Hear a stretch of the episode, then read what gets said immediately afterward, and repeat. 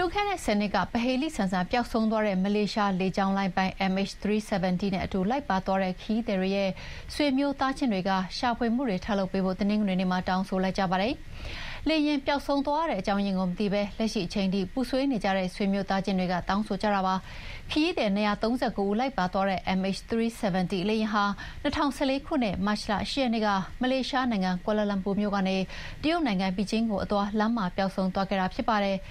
MH370 လေယာဉ်ရှာဖွေကယ်ဆယ်ရေးလုပ်ငန်းဟာ လေကြောင်းပျံသန်းမှုသမိုင်းမှာတော့အကြီးကျယ်ဆုံးဖြစ်ခဲ့ပေမယ့် ဒီကနေ့အထိ အဲဒီလေယာဉ်ကို ရှာမတွေ့သေးပါဘူး။မလေးရှားနိုင်ငံမြို့တော် ကွာလာလမ်ပူက ဈေးဝယ်စင်တာတခုအနီးမှာပဲ ခရီးသည်တွေရဲ့ ဆွေမျိုးသားချင်း ၅၀၀ လောက်စုရုံးပြီး အောက်မေ့ဖွယ်နေ့ကို ကျင်းပခဲ့ကြပါတယ်။တက်ရောက်လာသူအတော်များများရဲ့ ဝမ်းနည်းပူဆွေးနေကြတာကိုလည်း တွေ့ရပါတယ်။လေယာဉ်နဲ့လိုက်ပါသွားခဲ့ကြတဲ့ ခရီးသည်အရေအတွက်အတိုင်း ဖယောင်းတိုင်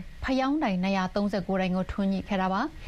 MH370 လေယာဉ်နဲ့လိုက်ပါသွားသူသုံးပုံနှစ်ပုံလောက်ဟာတရုတ်နိုင်ငံသားတွေဖြစ်ပြီးအောက်မေ့ဖွယ်နေ့ကိုလာရောက်သူတွေထဲမှာတရုတ်နိုင်ငံကဆွေမျိုးသားချင်းတွေလည်းအများအပြားပါဝင်ပါတယ်။